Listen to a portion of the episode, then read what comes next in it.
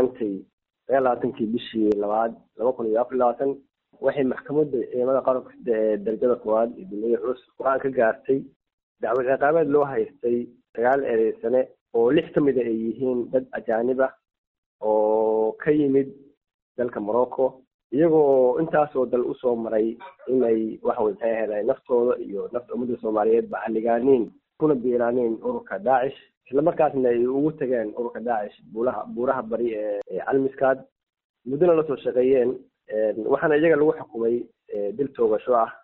Waxaa kaloo jirtay dad iyagu nin ethoobiyaana baa jiray oo isaga toban sano lagu xukumay oo isla iyaga markaa la joogay oo ururka daacish markaas waxawey maxay waxaa laga soo qabtay soone balliga aaga unuun baa laga soo qabtay waxaa kaloo jiray nin kaloo isna soomaaliya oo drowal ahaayo alaab ugu qaaday. Alaabtaas oo iskugu jirtay waxyaala badan oo ciidamada ammaanku inay kantaroolka boos isku qabteen. Isaga waxaa lagu xukumay toban sano oo xabsiya waxaana dib xorriyadiisa u helay nin la yidhaahdo ayub oo isna drol kilismow ka ahaa gaarigaas.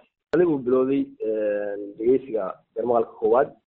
Wuxuuna soo gabo gaboobay maanta oo ay taarikhdu ahay sagaal labaatankii bisha laba kun iyo afar labaatan.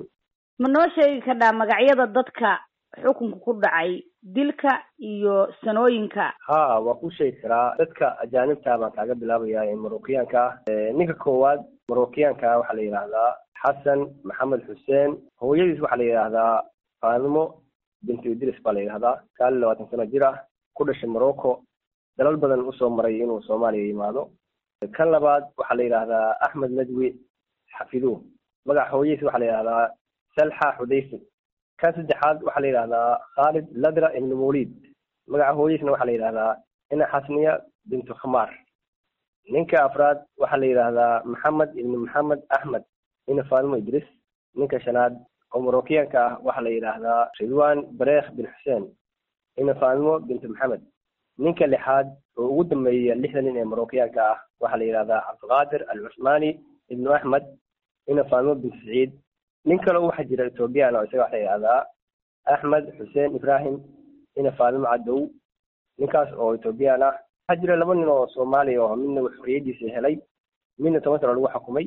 Kan tobanka sano lagu xukumay waxaa la yidhahdaa cabdiqaadir jaamac maxamed saama yaraa lagu naanaysaa ina caasho shire yuusuf baa la yidhahdaa waa drowal gaari waday. Gaarigaas oo daacish wuxuu waday alaabo kala duwan oo iskugu jira agab iyo waxyaalaha kimika ah oo laga sameeyo qaraxyada iyo waxyaala lamidka iyo kabaha iyo jaamaha kabaha la saaray iyo waxyaala lamidka oo loogu talagalay dhulka buuraleyda waxaa kaloo dib xorriyadiisa u helay oo ay maxkamaddu sii daysay maadaama uu laawe noqday oo dembi lagu waayey nin la yidhaahdo ayub jimcaale maxamed marka inahaas weye guddoomiye dadkan maantay xukunada dilka ah iyo sanooyinka ah ku rideen. Qareeno mala ahaayeen eheladoodu ma joogeen.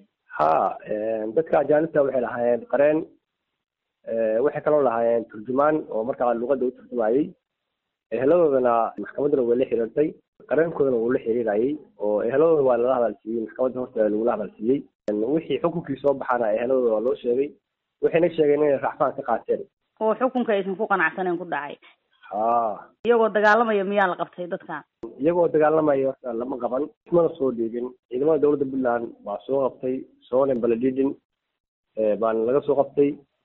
Markaas de iyagoo dagaalamaya lama qaban balse waxa way maxay ahayday niman markii xeryihii jooga oo aagii dagaaladii ka socdeen jooga bay ahaayeen. Mana ahayn niman isa soo dhiibay marka racfaanka maxkamaddu ma siisay racfaanku process buu ku jiraa wakti buu qaataa muddo waxay leeyihiin bil soddon cisho gudahooday leeyihiin intaasay ku qaadan karaan racfaan iyagu qiraal ma ku ahaayeen dembiga aad ku eedeyseen dhammaantood qiraal bay ku ahaayeen marka laga reebo ninka soomaaliga oo yidhi isagoo anigu alaabtan lay saaray nin baa ay saaray wuxuu igu yidhi shirkad baa lahayd maanan ogeyn laakiin nimanka lixda iyo ninka etoobiyaanka waxay qiraal ku ahaayeen in ay dalalkoodii ka yimaadeen ayna ku qanceen fikirka argagixisanimada ee ururka daacish islamarkaasna ay halkaa uga yimaadeen ayna aadeen buuraha calmiskaad ee bari.